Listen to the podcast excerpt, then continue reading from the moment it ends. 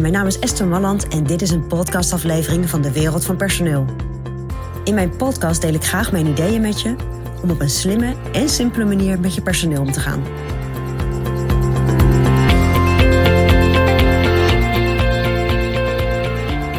Het is, een, uh, het is een tijd waarin de arbeidsmarkt wat onder druk staat. Ja, wat zie je dan? Dat het lastiger is om uh, goede mensen te vinden voor je bedrijf. Ja, en als je dan iemand vindt en je gaat onderhandelen over het salaris, dan ben je misschien nog wel geneigd om nou, iets meer salaris te bieden dan je eigenlijk in gedachten had. En ook iets meer salaris te bieden dan je andere medewerkers binnen je bedrijf uh, biedt. En daar wil ik het met je over hebben. Want daar gaat het toch wel een beetje schuren soms bij, uh, bij medewerkers. Want jij bent misschien in de veronderstelling dat mensen elkaar salaris niet weten. Maar de ervaring leert dat dat toch wel bekend is binnen een bedrijf. Hoe, zeker als mensen in een gelijke functie zitten, hoe de ander beloond wordt ten opzichte van de persoon zelf. Dus realiseer je op het moment dat jij nieuwe mensen binnenhaalt, die je beter beloont dan de mensen die al bij je zitten, dat dat een effect kan gaan hebben op de mensen die, die al binnen, binnen je bedrijf hebt werken.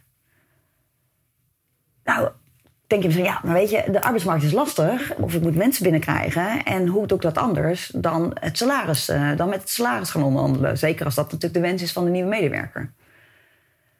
Nou, wat je zou kunnen doen, is kijken of het om het salaris gaat. Of dat je misschien iets anders kan bieden, wat ook waardevol is voor een nieuwe medewerker. Zoals bijvoorbeeld een opleiding. Of uh, een mentorship wat je organiseert voor iemand. Of uh, misschien een bepaalde verantwoordelijkheid die, waarmee je iemand juist over de streep kan trekken. Dus ga er niet vanuit dat salaris, ondanks dat de nieuwe medewerker dat aangeeft, ook echt altijd hetgeen is waar die, medewerker, die nieuwe medewerker voor gaat. Dus dat is aan de ene kant, hè, aan de kant van zo'n nieuwe medewerker. Ga gewoon kijken of er naast salaris, wat misschien net iets te hoog is, of er iets anders is. Wat waardevol is voor je nieuwe medewerker. Ik heb zelf ooit een salaris geaccepteerd wat een stuk lager was, maar ik kreeg wel een hele interessante opleiding. Ja, dat was voor mij zo waardevol dat dat, ja, dat, dat voor mij toch reden was om die overstap te maken. Nou, dat zou voor jouw nieuwe medewerker ook zo kunnen zijn. Dus dat is aan de kant van de nieuwe medewerker. Maar je hebt ook de kant van de medewerkers die al bij je werken. Kijk, als je dan toch moet besluiten om een hoger salaris te geven, dan is dat blijkbaar marktconform. Ja, en dat geeft je te denken over de mensen die binnen je bedrijf al werken. Want beloon je die dan ook nog steeds wel marktconform? Of moet je daar misschien ook een keer wat aan gaan doen? En ook dan weer kun je kijken, wordt het dan salaris of wordt het iets anders wat je medewerker biedt? Maar misschien moet je het salaris van je huidige medewerkers ook iets verhogen. Kijk, en dan wordt het natuurlijk wel spannend, want dat moet je op de lange termijn ook kunnen volhouden. Ook als de tijden misschien iets minder goed gaan. Maar hou die balans tussen nieuwe medewerkers en de medewerkers die al in je bedrijf werken.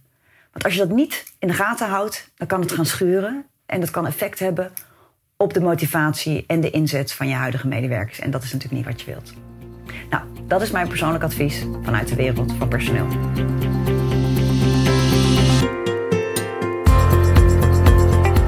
Wil je ontwikkelingen in de wereld van personeel blijven volgen? Abonneer je dan op ons podcastkanaal. Ook op onze website vind je allerlei slimme ideeën en adviezen. Dus kijk even rond op www.dewereldvanpersoneel.nl.